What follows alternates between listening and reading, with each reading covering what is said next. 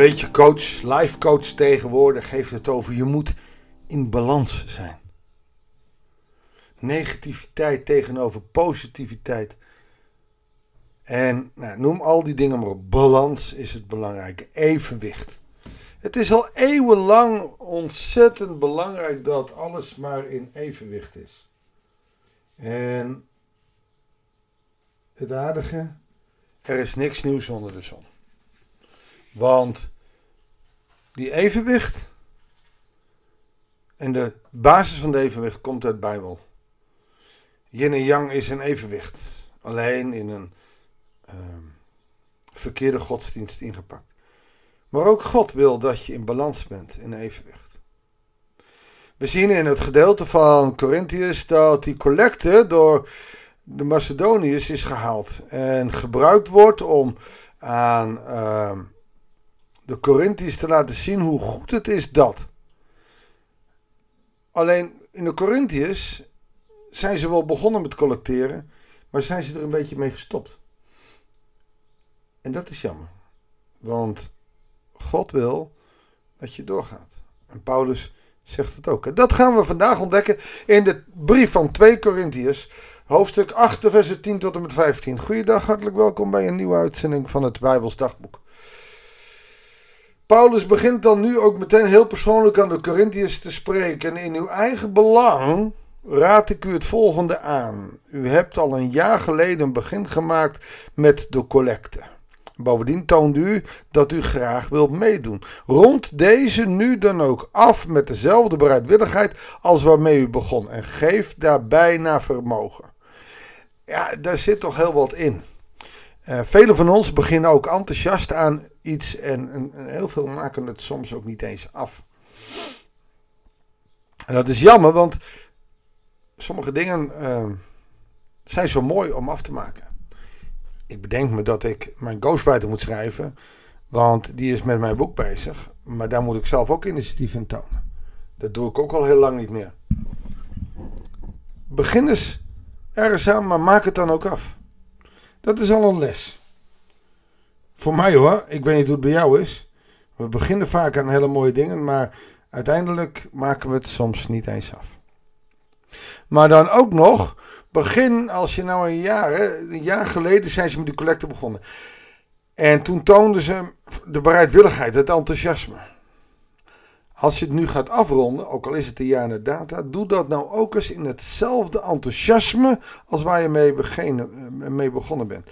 En, en hier gebeurt wat, dat enthousiasme, eh, dat gebruik ik expres.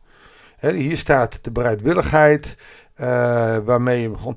Enthousiasme, is een woord wat wij veel gebruiken. En dat is enthousiasme. Het is in God zijn. Oftewel, doe dat nou eens met heel je hart, met heel je ziel en heel je verstand. En doe het voor God. Dat betekent dat ook dingen die wij moeten doen, soms af moeten maken, geen zin meer hebben. Op het moment dat je, en dan kom ik weer bij Colossense 3 vers 23, het doet voor de Heer, dan gaat het veel beter. Wordt uw gave met vreugde, als, we, als u dat doet en bereidwillig en enthousiast geeft van wat u hebt, worden uw gaven met vreugde aanvaard. U hoeft niet te geven van wat u niet hebt. Ja, dat is heel mooi dat Paulus dat dus zegt. En dan zegt iedereen, zie wel, als ik het niet heb, hoef ik het niet te geven. Maar wat hij dat doet, is dit tegenover de Macedoniërs stellen. Zij konden het niet betalen en ze wilden het toch doen. Het enthousiasme zit bij de Macedoniërs veel dieper en die hebben het gedaan. Die hebben gegeven dat ze het eigenlijk niet eens hoefden, want ze konden het niet eens doen. En ze wilden wel en ze gaven meer dan nodig is. En nou zegt hij tegen de Corinthiërs, ja, je hoeft niet te geven van wat u niet hebt. Het is namelijk niet de bedoeling dat u door anderen te helpen zelf in moeilijkheden geraakt. Dit is dit zijn mooie woorden. Dat zijn ons christenen ook meteen woorden die ons strelen. Maar ik geloof niet dat Paulus hier dit echt oprecht bedoelt. Want anders had hij het, het voorbeeld van de Macedoniërs niet gebruikt.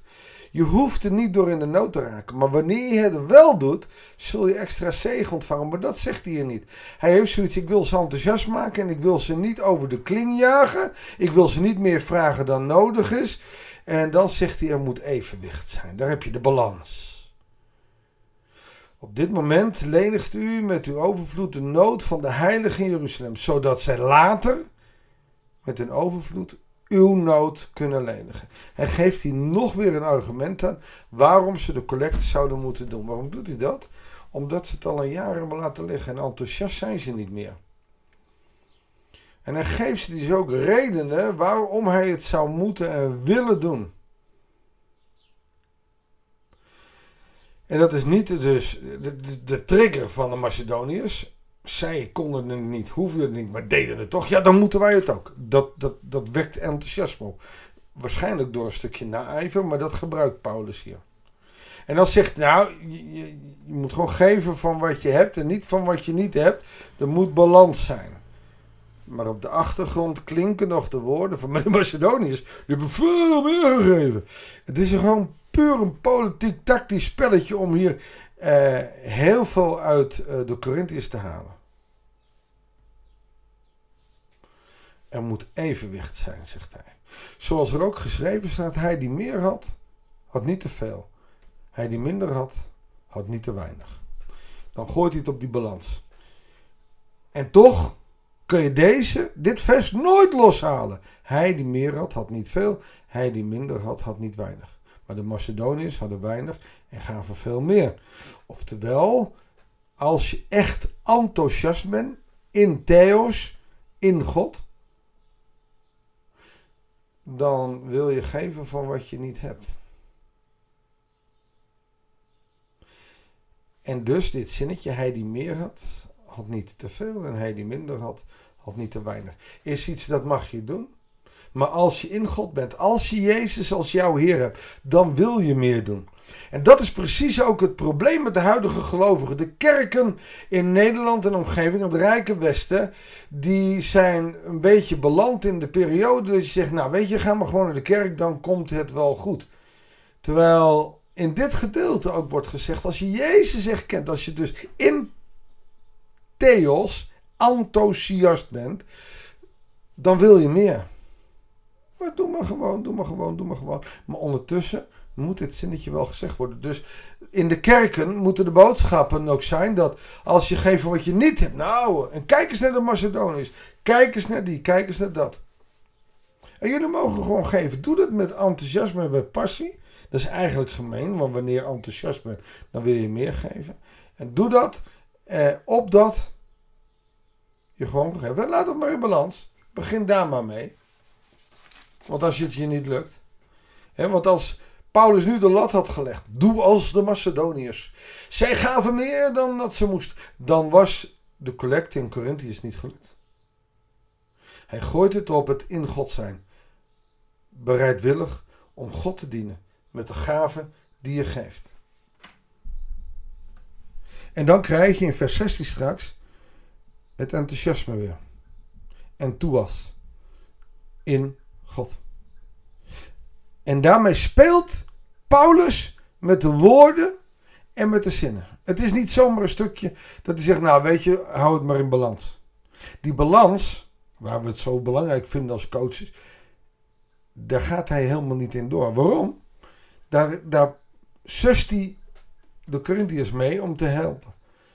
Maar als je in Christus bent, dan gaat je balans de andere kant op slaan.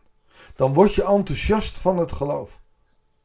Dan komt je balans ergens anders te liggen. En niet bij, ach, één keer in de week naar de kerk is genoeg. Als je enthousiast bent, als je in God bent, in Christus, dan wil je elke dag lezen uit de Bijbel. Dan wil je bidden, dan wil je met God leven. En hou me te goed door, als ik deze podcast niet had, waren de dagen dat ik er ook niet aan dacht. Want we kunnen niet altijd enthousiast zijn. Daarom heeft God de gemeente gegeven. Om elkaar te enthousiasmeren. Prachtige woordspeling. Prachtige ontdekking in dit gedeelte. Laten we gaan bidden of God ons wil zegenen om enthousiast te worden in Hem. Heere God, dat woord is prachtig. enthousiast in Theos, in God zijn, wil ons helpen door de kracht van uw geest enthousiast te worden voor het evangelie, in u te zijn. Opdat wij gaan geven in geld en in tijd dat wat we niet hebben, maar wat we wel voor u over hebben. Opdat u ons weer rijkelijk kan zegenen. Eer, en daar doen we het niet voor. Maar we verlangen er wel naar, want zonder uw zegen zijn we niks. En houden we dat enthousiasme ook niet vol. Daarom bidden we om de kracht van uw geest. Om ons de moed en de kracht te geven om enthousiast te blijven. Heer wil ons daarmee helpen. Dat bidden we u in Jezus' naam. Amen. Nou, ik hoop dat je een beetje enthousiast bent geworden. Ik wens je God zegen en heel graag tot de volgende uitzending van het Bijbelsdagboek.